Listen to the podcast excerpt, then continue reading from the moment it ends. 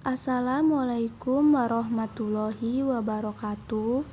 Perkenalkan nama saya Rika Uswatun Hadana dari Depomat D3 Gizi tingkat 1B. Di sini saya akan sedikit mengkritik materi dari Messi Ananda Saputri. Menurut saya materi podcast sesuai dengan yang diberikan, yaitu upaya pelestarian dan peningkatan citra makanan berbahan pangan lokal.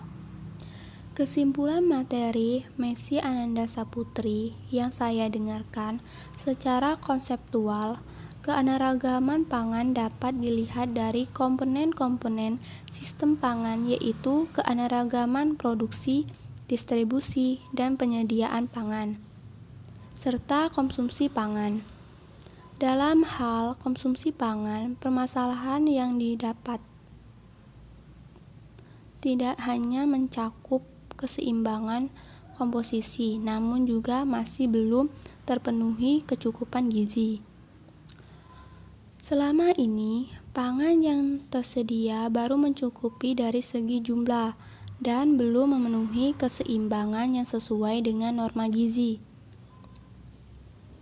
Berkaitan dengan hal tersebut di atas, untuk mengukur keberhasilan upaya baik di bidang produksi, penyediaan, dan konsumsi pangan, penduduk diperlukan salah satu parameter digunakan untuk menilai tingkat keanekaragaman pangan adalah pola pangan harapan atau PPH.